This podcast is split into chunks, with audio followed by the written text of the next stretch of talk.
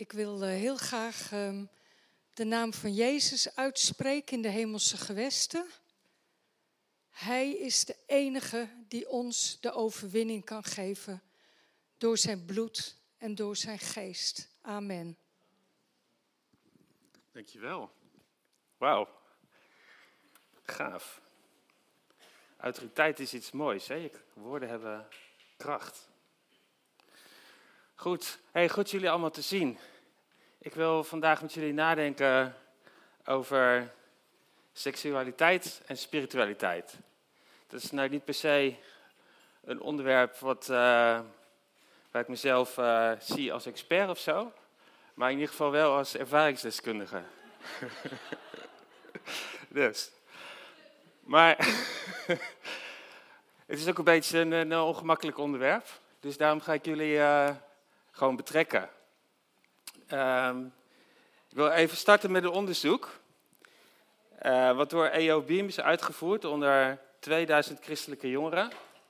Daarin worden eerlijke vragen gesteld over seks. Wordt er thuis wel of niet over seks gepraat?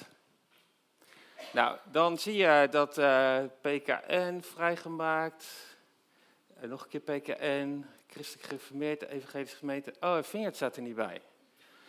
Nou, dan moeten we dat misschien maar even live doen. Wordt er bij jullie thuis over seks gepraat? Of werd er bij jullie uh, vroeger thuis over seks gepraat? Duimpje, als er wel op een positieve, helpende manier over seksualiteit gepraat werd. Positief, helpende manier. Dus niet, nee, ja, een beetje. Het valt eigenlijk best wel tegen. Nou, misschien is het goed om dat dan uh, nu samen te doen.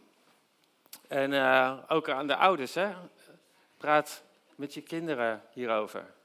Dat doen wij toch ook thuis, uh,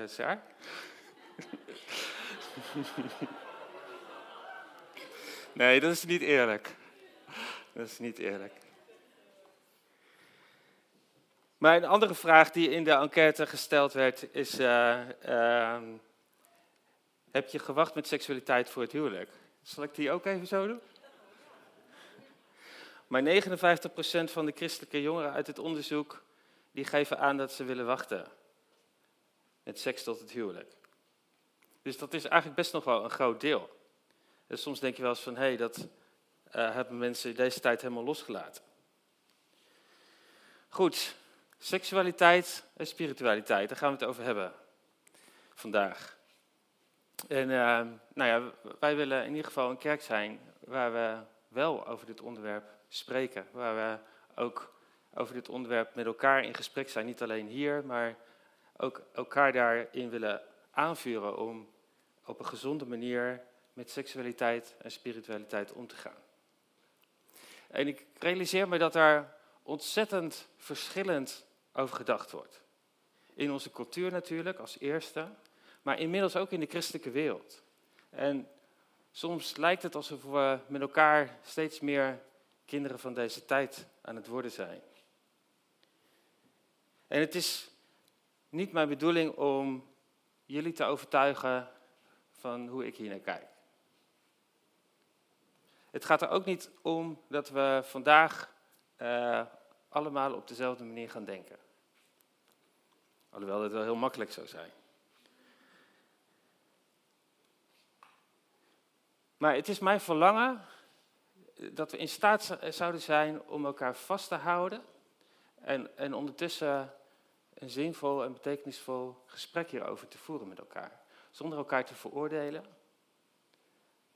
zonder uh, elkaar weg te zetten, uh, met respect voor de overtuigingen die er zijn. En vaak zit er een heel proces aan vooraf aan hoe iemand gekomen is tot een bepaalde overtuiging. En dat kunnen we niet zomaar in de prullenbak gooien. Tegelijkertijd is het denk ik ook heel belangrijk om samen op, zoek, op zoek te gaan naar wat de Bijbel leert over seksualiteit en spiritualiteit. En ik wil dat vandaag dan ook in een discipelschapscontext plaatsen. En we zijn allemaal lerend onderweg. En ik ga ervan uit dat jij hier zit omdat je op de een of andere manier God kent. Dat je gekozen hebt om Jezus te volgen. En ik ga er daarmee ook van uit dat je in een soort proces zit van groei, waarin je wat Jezus zegt door zijn woord, door zijn geest, dat je dat in toenemende mate ehm, in je gedrag, in je keuzes, in je daden uh, vorm aan het geven bent. Want dat is wat discipelschap is. Het ging Jezus niet alleen om van nou, als je nou maar goed denkt. Nee, het ging Jezus ook om in beweging komen op zijn woorden. Je kunt geloven dat God bestaat en hem toch niet betrekken bij je keuzes. Of misschien doe je dat op het ene gebied wel, of op het eh, andere gebied niet. Dat kan. En voordat we over dit onderwerp gaan praten, wil ik allereerst ook mijn excuses aanbieden. En zeggen dat het me heel erg spijt dat de kerk het op dit punt soms niet zo goed gedaan heeft. dat oordeel, schuld, schaamte, dat dat de dingen zijn die in de maatschappij zeg maar, nog zijn blijven hangen over de kerk als het gaat om, het onderwerp seksualiteit. Maar seksualiteit is echt een heel belangrijk onderdeel van ons mens zijn. Het raakt een heel diep en wezenlijk verlangen. En daarom hebben we het nodig om te begrijpen hoe God dat heeft gemaakt en hoe we dat uit mogen leven op een gezonde manier. Het is een geschenk en het is echt iets positiefs. Nou, de kerk is daar dus niet altijd heel behulpzaam in geweest. En voor veel mensen is het misschien ook wel een verrassing dat er in de, in de Bijbel teksten staan over uh, zinderende sensualiteit en seksualiteit, erotische poëzie. De kerk, geloof en seks, dat gaat niet samen in de ogen van velen. De kerk wordt op een bepaalde misschien, manier misschien wel gezien als seksvijandig en hypocriet. Het, het misbruik uh, staat dan heel erg voor ogen. Als ik collega's hoor over de kerk aan de lunchtafel, dan uh, komen de priesters heel vaak voorbij. En wat die allemaal doen. Nou, denk, denk ook aan het verhaal wat Felix vorige week deelde. Verwoestend en grensoverschrijdend. Maar God kan dat herstellen. En ook dat gebeurt in de context van het lichaam van Christus, de kerk met een hoofdletter zou ik willen zeggen. De Bijbel is heel erg openhartig als het gaat over seksualiteit. De Bijbel kent het, uh, het boek Hooglied, uh, waarin de liefde tussen man en vrouw wordt bezongen, inclusief die seksuele kant. Het seks is een geschenk van God en een reden tot diepe vreugde. Je mag je verheugen in romantiek, in liefde, in de lichamelijkheid ervan, in zinderend verlangen, in hartstocht. Nou, als je dat boek gaat lezen, ik zou het iedereen aanraden, maar dan, dan lees je hoe de ogen van de jongen het mooie lijf van zijn vriendin volgen. Hoe hij haar schoonheid ziet en vertolkt in een lied. En haar taxeert van top tot teen. Hij bezinkt haar voeten, haar heupen, haar navel, haar buik. Hij verdrinkt in haar borsten. Haar hals, haar gezicht en haar ogen. Hij proeft haar adem, haar tong en haar mond. Hij wil haar meenemen. Je bent zo mooi, vriendin van mij. Je bent zo mooi. Je brengt me in vervoering. Je brengt me in verrukking. Je borsten zijn als storing. Melk, honing proef ik onder je tong. En het meisje deelt in zijn hunker. Ze raakt net zo goed in extase. Zijn lippen zijn als lelies. Zijn buik is als een schijf van ivoor. Alles aan hem is begeerlijk. Nou, we zouden nu zeggen, zijn buik is een sixpack. Lekker afgetraind. Maar het is al best wel warm hier, maar als je dit zo hoort, dan... Uh, hè? dus de Bijbel is heel erg openhartig en, en niet negatief over seksualiteit. Het is iets moois, het is iets kostbaars. Dus, dus lees het, het staat erin. En tegelijkertijd is er dus ook een een waarschuwing. Waarom zou je de liefde opwekken of aanwakkeren voordat het haar behaagt? Is dat een hooglied. En dat komt omdat seks is als een vuur. Je kunt je eraan warmen, maar bij verkeerd gebruik kun je er ook gruwelijk aan branden. En jezelf en anderen zwaar beschadigen. In Hooglied 8, vers 9 wordt dat heel sterk verwoord. Sterk als de dood is de liefde, beklemmend als het dodenrijk de hartstocht. De liefde is als een vlammend vuur, een vuurgloed van de Heer. Vele wateren kunnen de liefde niet uitblussen en rivieren spoelen haar niet weg. Beide verhalen kennen we. Verhalen van vreugde, plezier, liefde, tederheid. Maar ook verhalen van misbruik, beschadiging voor het leven. We niet goed omgaan met seksualiteit. En de, in de Bijbel is daar heel reëel over. Bijbel komen ook voorbeelden voor van grensoverschrijdend overdrag, gedrag en hoe God daar naar kijkt. Het is een prachtig geschenk. Wat een, wat een, net zoals vuur een plek heeft om, nodig heeft om te branden. Wil God daar ook grenzen omheen leggen. En het gaat om de eenheid van geest, ziel en lichaam. En ons, ons lichaam, dat zijn we zelf. Ehm, geest, ziel en lichaam zijn een eenheid. We zijn daar, daarin verbonden. En Paulus noemt ons lichaam een tempel van Gods geest. Dus seksualiteit is, is niet alleen maar fysiek. Het is ook spiritueel. En we hoeven het lichaam van anderen ook niet te verafgoden. En tegelijkertijd hoeven we ons lichaam ook niet te negeren of te behandelen als oud vuil. De liefde is als een vlammend vuur, een vuurgloed van de Heer. En die vuurgloed van de Heer, dat is zo mooi. Daar, daar zit die eenheid van seksualiteit en spiritualiteit al in besloten. Het is veel meer dan twee lichamen die dit samen gezellig hebben. Het is veel meer dan die fysieke samensmelting. Het is ook een geestelijke en emotionele samensmelting. Dus seksualiteit en spiritualiteit zijn twee kanten van dezelfde medaille. De passie, het vuur van seksuele liefde, vindt zijn bron in God. De vuurgloed van de Heer. Dus het is dus door God gegeven. En dat betekent twee dingen. Ten eerste dat we het niet zouden moeten wegstoppen. Of ons voor zouden moeten schamen. Of het vermijden. Of dat je er niet van zou mogen genieten. En ten tweede betekent het dat de spirituele wereld een reëel onderdeel is van het wezen van seks. Het is meer dan alleen een fysiek proces.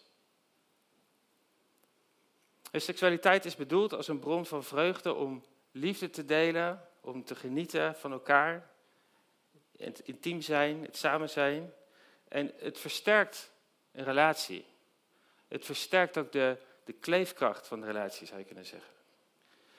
En in de Bijbel wordt het Hebreeuwse woord yada gebruikt. En dat wordt vertaald vaak met kennen of bekennen. Dan, daar wordt dan seksuele gemeenschap mee bedoeld. Maar dat heeft een hele diepe betekenis. Het, het omvat hechting op alle niveaus. Geestelijk, ehm, emotioneel en lichamelijk. Dus seks is een, een geschenk van God wat we ehm, zorgzaam mogen gebruiken. En het vraagt dus ergens ook om gezonde grenzen. Want die metafoor van het vuur die in Hooglied gebruikt wordt, die is natuurlijk superkrachtig. Wie zou een natuurbrand kunnen blussen?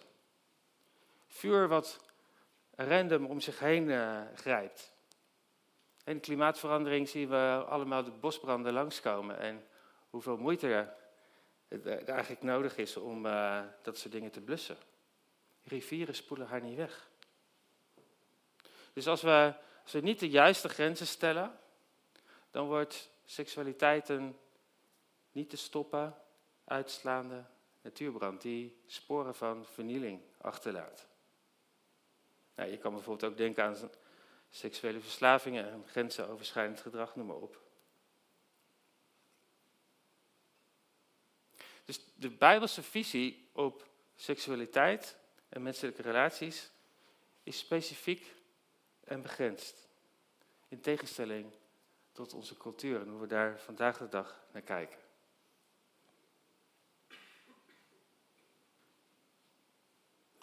Maar God heeft hier goede bedoelingen mee.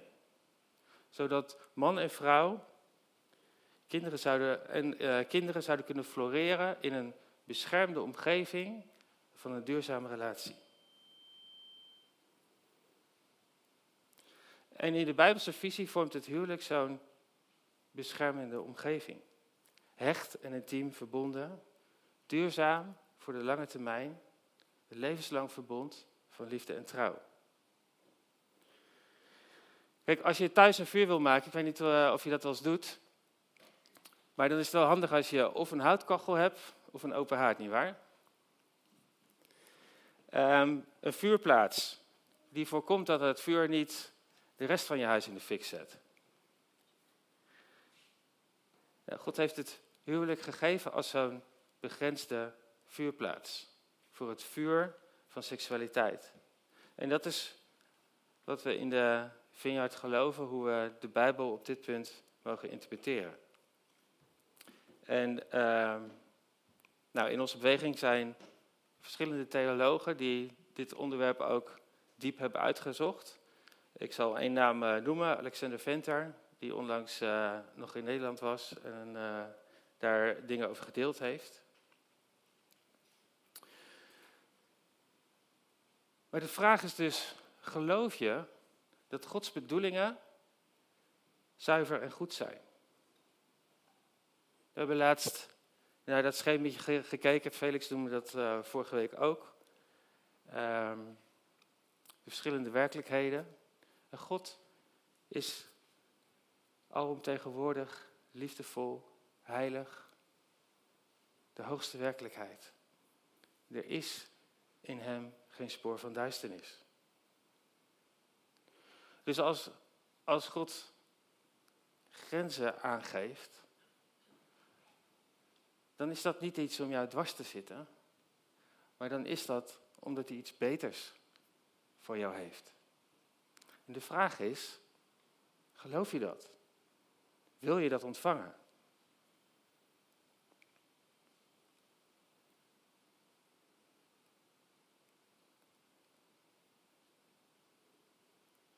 God is de architect van menselijke seksualiteit en spiritualiteit. En de ontwerper had goede bedoelingen met het ontwerp. En hij weet als geen ander hoe dat ontwerp het best tot zijn recht komt. Nou, je zou je kunnen voorstellen dat je bijvoorbeeld met je auto achteruit kunt rijden op de snelweg. Dat kan toch, niet waar? De vraag is alleen of die auto dan het beste tot zijn recht komt. En of je je optimaal voortbeweegt in het verkeer. Ik denk dat je een stijve nek krijgt, nietwaar?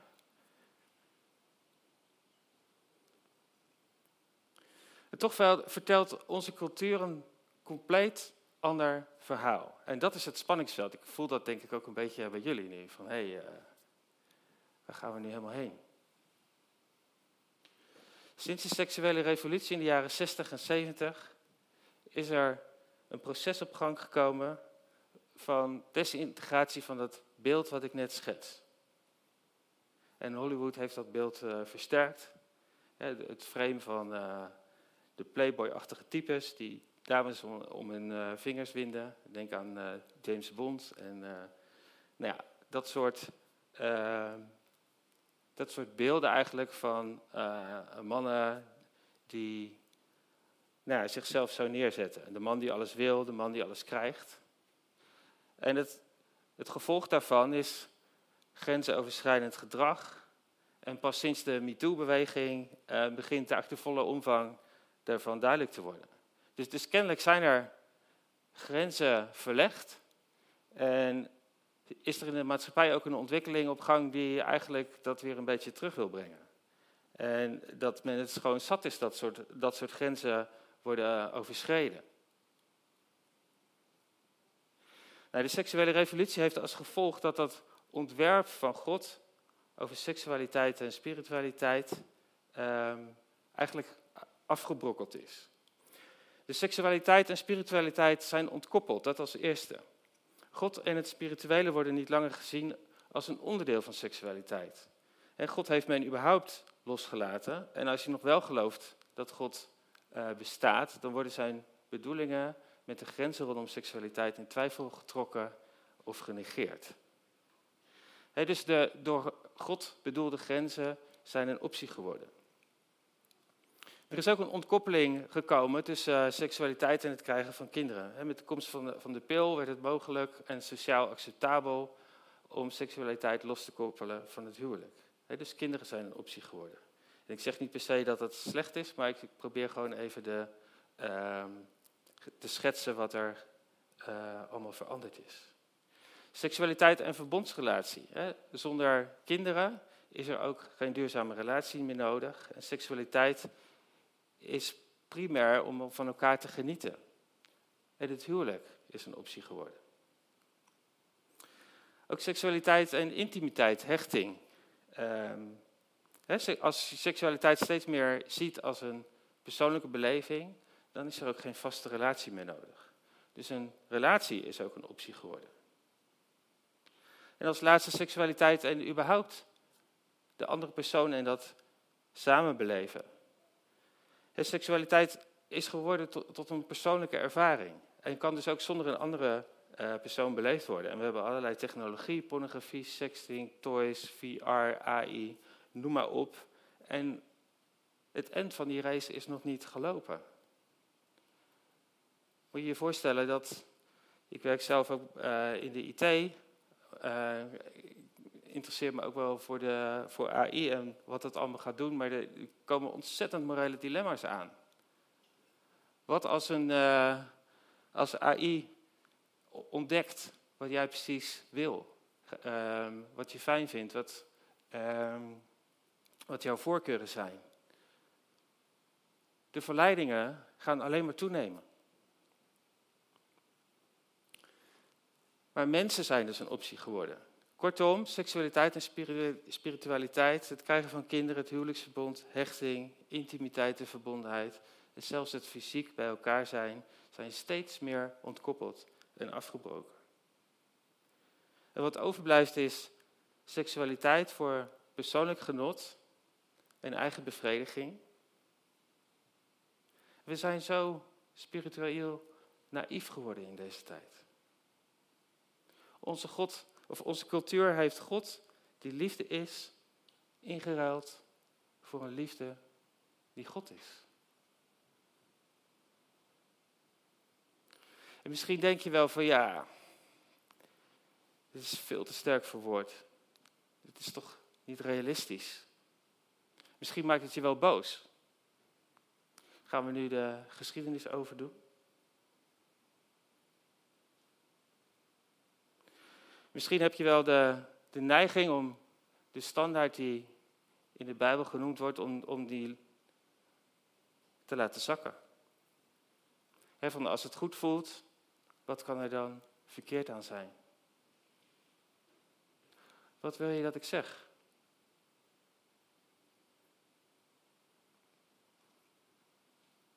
In de Bijbel wordt het woord pornea gebruikt in de grondtekst. En dat woord, dat wordt in het Nederlands vaak vertaald met ontucht of hoererij. En dat lijkt dan te duiden op ehm, prostitutie of zo. Maar daar is een ander woord voor. Het woord porneia heeft twee dimensies. Verboden seks, verboden genitale seks, buiten de door God gestelde grenzen. En het heeft een spirituele dimensie. De Bijbel spreekt over afgoderij en de betrokkenheid van het demonische. En seksualiteit en spiritualiteit zijn zo innig met elkaar verbonden. God heeft de vuurgloed van de Heer in jouw seksualiteit ontstoken. En hij verlangt ernaar dat je die niet deelt met het demonische. De vijand wil de vlam van jouw seksualiteit roven. Is sta hem dat niet toe. Als je mij niet gelooft of als je mij niet, uh, vertrouwt op dit onderwerp, dan zou ik je willen aanraden om zelf te gaan studeren. Er staat een QR-code achter mij. Ehm, dit woord porneia komt 26 keer voor in het Nieuwe Testament. En ik zou je willen aanraden om, om die teksten te lezen.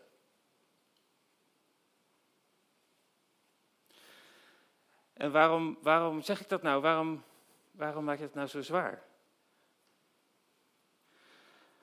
We hebben vaak genoeg gebeden met mensen voor bevrijding van gebondenheid of onderdrukking, van demonische dingen die hiermee te maken hebben.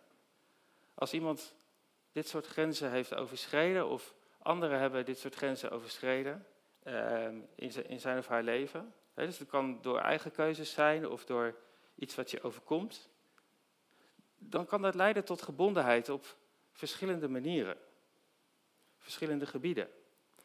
En de vijand gaat rond als een briesende leeuw. En hij is op zoek naar iemand eh, om, om het te verslinden. En wat we vaak zien is dat, uh, dat het ingangen zijn en dat, dat er ook demonen van boosheid of, uh, of andere dingen uh, binnenkomen. Laat je seksualiteit heilig blijven. Laat je niet in. En respecteer de grenzen die God gesteld heeft. Misschien denk je nog steeds van ja, ik vind het nog steeds veel te ver gaan. En uh, er zijn kerken die hier anders naar kijken. En dat klopt. waarom houden jullie zo vast hieraan?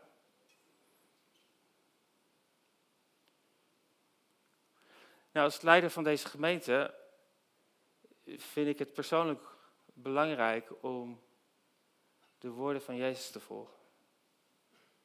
En jullie op te roepen datzelfde te doen. En ik voel en ervaar een opdracht om een bruid voor Jezus te verzamelen die heilig en rein is. Zonder vlek of rimpel. En hoe graag ik zelf ook zou, zou willen dat dit onderwerp eenvoudiger was of simpeler. Maar ik ga niet over het ontwerp. Ik heb het niet bedacht, ik heb het niet uitgevoerd, ik heb het niet gemaakt.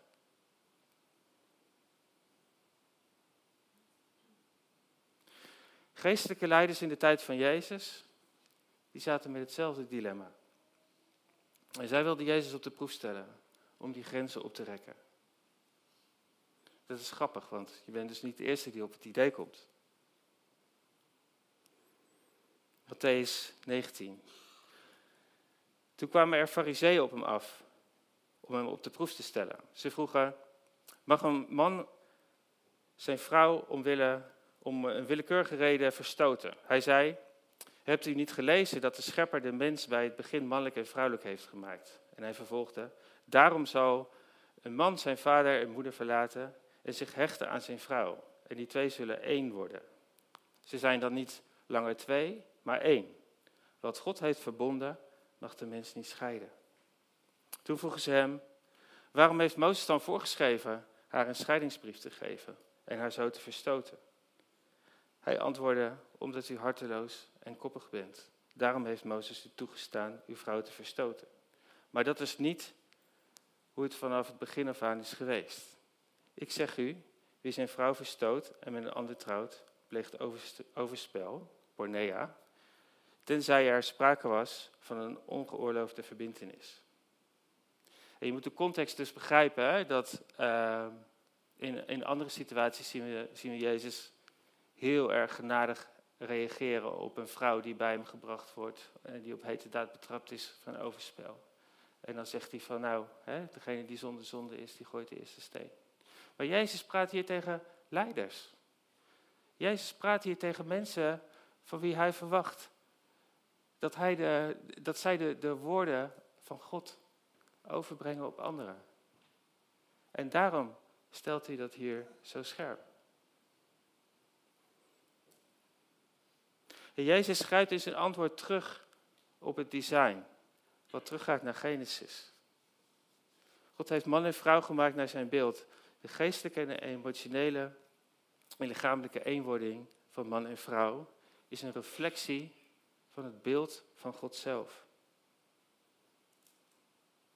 En die eenwording is een in processen in een bepaalde volgorde. Ouders verlaten, aan elkaar hechten, één vlees zijn.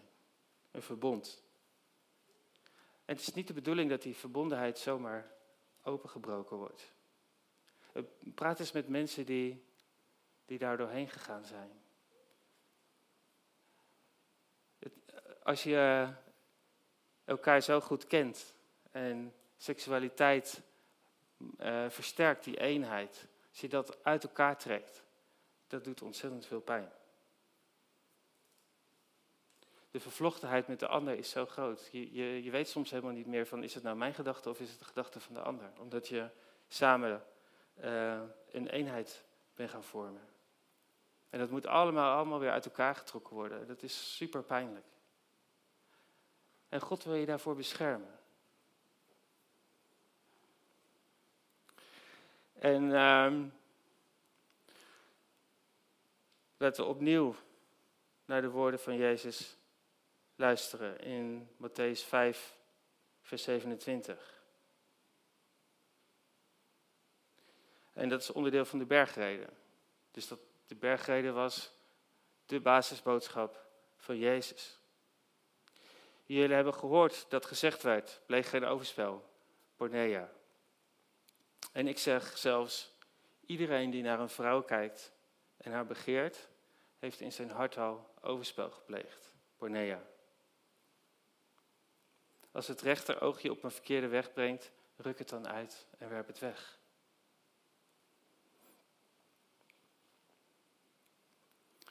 Dus het begint in het hart. Het begint in het hart. En we hebben een wil gekregen om, om te kiezen. En op het, op het moment dat dat seksuele verlangen, zeg maar, als je die gaat voelen en in je, in je, in je lichaam gebeurt er van alles, dan, uh, dan ben je vaak al te laat. Dus het, wees er snel bij, zegt Jezus hier.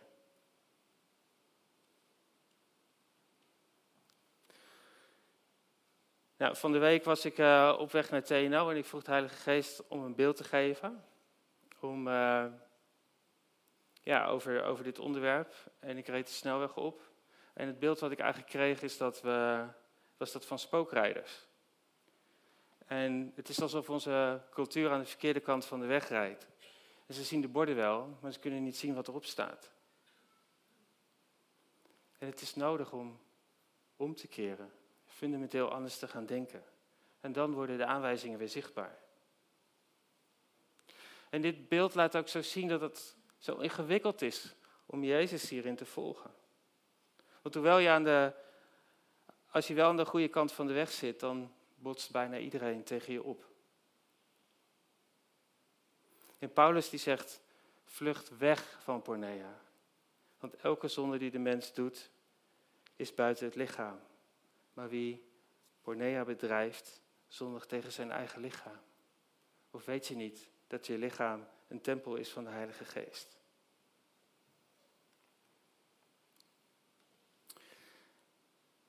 Nou, ik wil afsluiten met uh, een plaatje van de liefdevolle vader. Want ook al heeft God grenzen gesteld aan seksualiteit, hij heeft geen grens gesteld aan zijn liefde. En um, of wij nu grenzen hebben overschreden of het is ons aangedaan. Zoals het verhaal van Felix of het verhaal wat, wat ik laatst deelde. Hè, dat er grensoverschrijdend gedrag uh, van mijn opa naar mijn moeder toe. Wat ergens ook een, een geestelijke binding van schaamte veroorzaakt had. Wat invloed had uh, op mij, op het nageslacht. En God kan je daarvan vrijzetten, van dat soort dingen. God kan maagdelijkheid herstellen. God kan ons kracht geven om binnen die grenzen te functioneren. Ook al ben je single, ook al uh, ben je weduwe, ook al ben je getrouwd, ook al of wat voor relatie je ook zit. God kan jou kracht geven. Je hoeft geen slachtoffer te zijn van deze tijd van lusten, van begeerte. En de uitdaging die ik bij jullie zou willen neerleggen is, in hoeverre is jouw seksualiteit liefde gedreven of lust gedreven?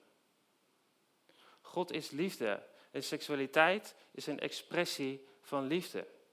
En de liefde van God is niet een liefde die neemt. De liefde van God is een liefde die geeft. En in het geven van liefde ontvang je van de ander.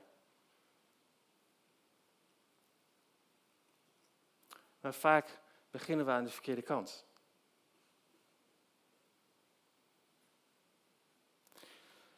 En de verloren zoon, die had uh, zijn geld doorgebracht met prostituees en feesten en uh, dronkenschap. Dus dat is niet het probleem voor God. Het probleem is dat we in ons denken andere normen en waarden hanteren. Waardoor we eigenlijk zeggen van hé, hey, dit is oké zo. En ik hoef niet naar huis. Ik hoef niet terug naar de vader. Want ik heb het wel goed zo. Ik weet niet waar jij daar ergens zit. Maar God wil jou die vuurgloed van de Heer teruggeven in je seksualiteit. Jullie zijn allemaal heel stil, maar voor, voor mij is dat goed nieuws. Dat is goed nieuws.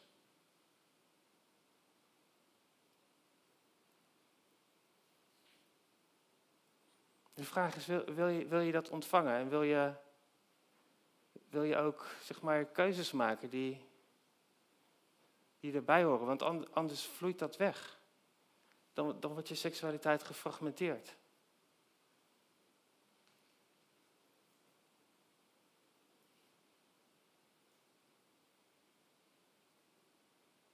Het is tijd om, om thuis te komen. Het is tijd om niet langer kinderen van deze tijd te zijn, maar kinderen van de Vader.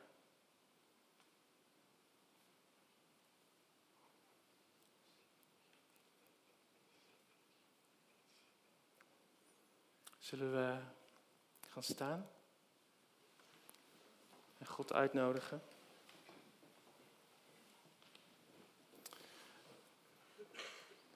Dat wie oren heeft, horen wat Gods geest tot ons wil zeggen.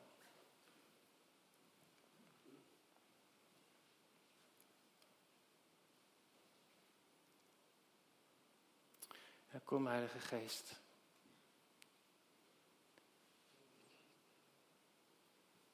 Als het aanbiddingsteam ook alvast terug wil komen.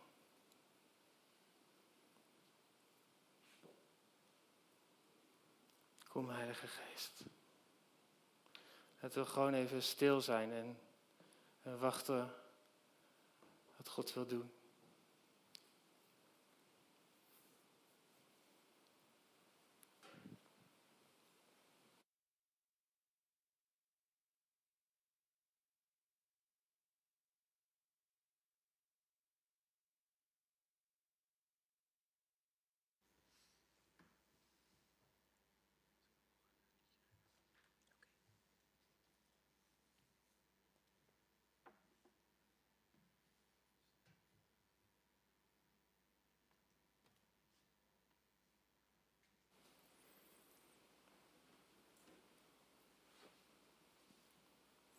Kom, Geest.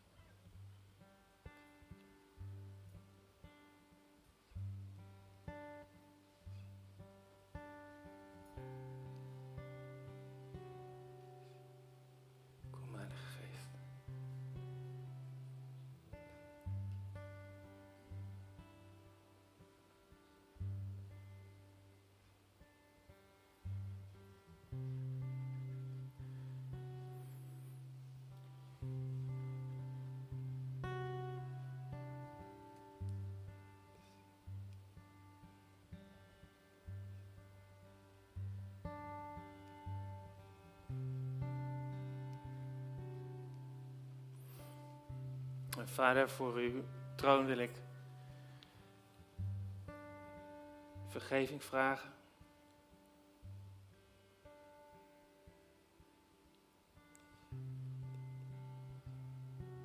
Heer, voor hoe we als kerk zijn omgegaan met seksualiteit en spiritualiteit. Heer, al het grensoverschrijdende gedrag. Heer, waar de wereld met afschuw naar kijkt. Heer, vergeef het ons en was het schoon door uw bloed.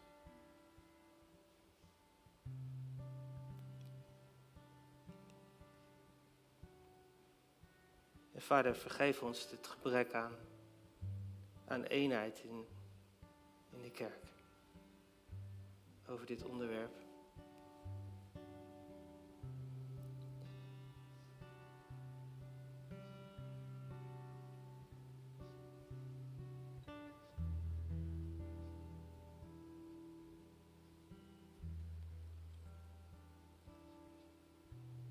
Vergeef ons, Heer, dat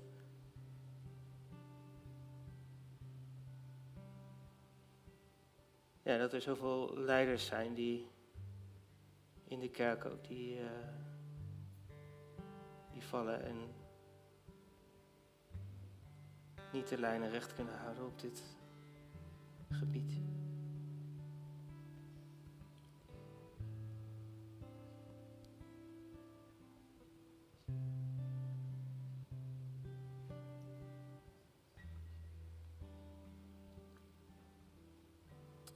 Jezus' naam.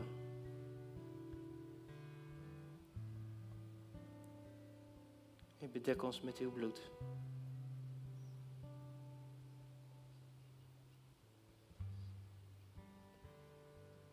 Bedek ons met uw bloed.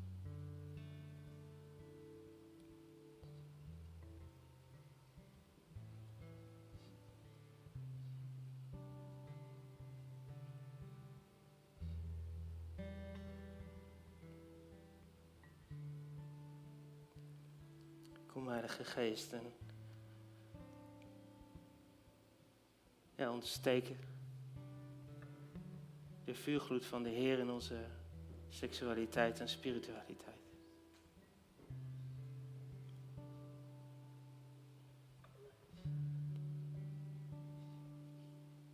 Je hoeft nu single zijn of getrouwd. Misschien zijn we weduwe.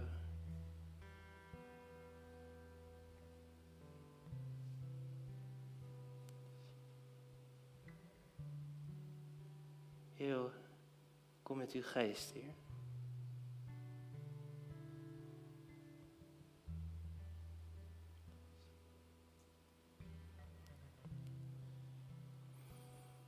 Roosmarie, wil jij erbij komen?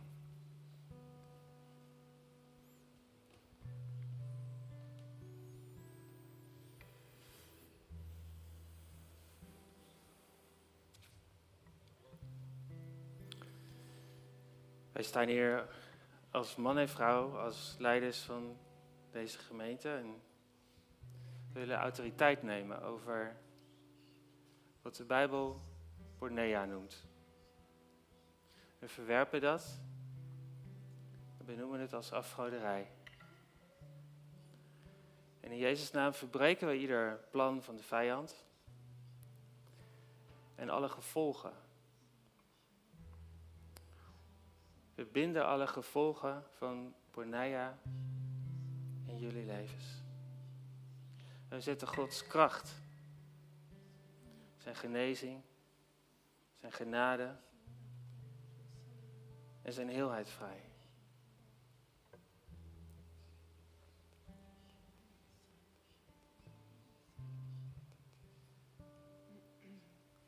Heer. Kom,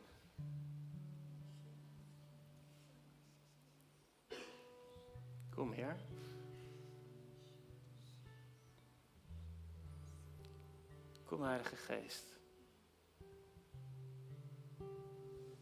En in Jezus' naam bind ik iedere macht die binnengekomen is doordat er deuren open stonden. Of je daar nu zelf verantwoordelijk voor was of een ander.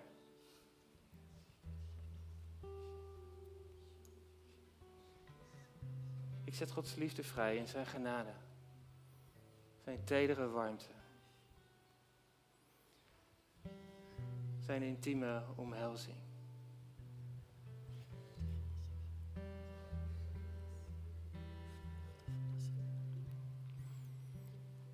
Ik zet een vreugdevolle seksualiteit vrij in jullie levens.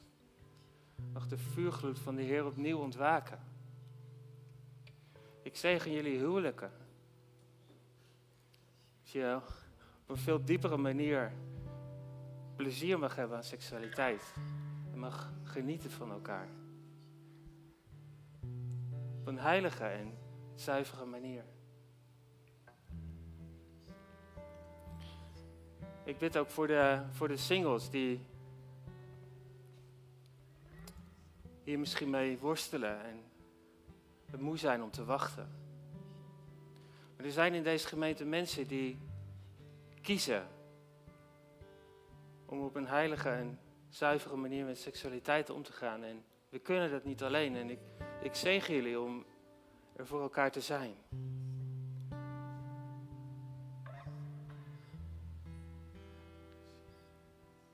En ik nodig de Heilige Geest uit om met kracht te komen. En Vader, waar we gezondigd hebben tegen U. Heer, kom met uw bloed. Kom met uw bloed. En help ons om tot erkenning te komen. Heer, help ons om thuis te komen. Als uw kind. En dank u wel dat u ons niet veroordeelt. Maar dat u ons genadevol omarmt.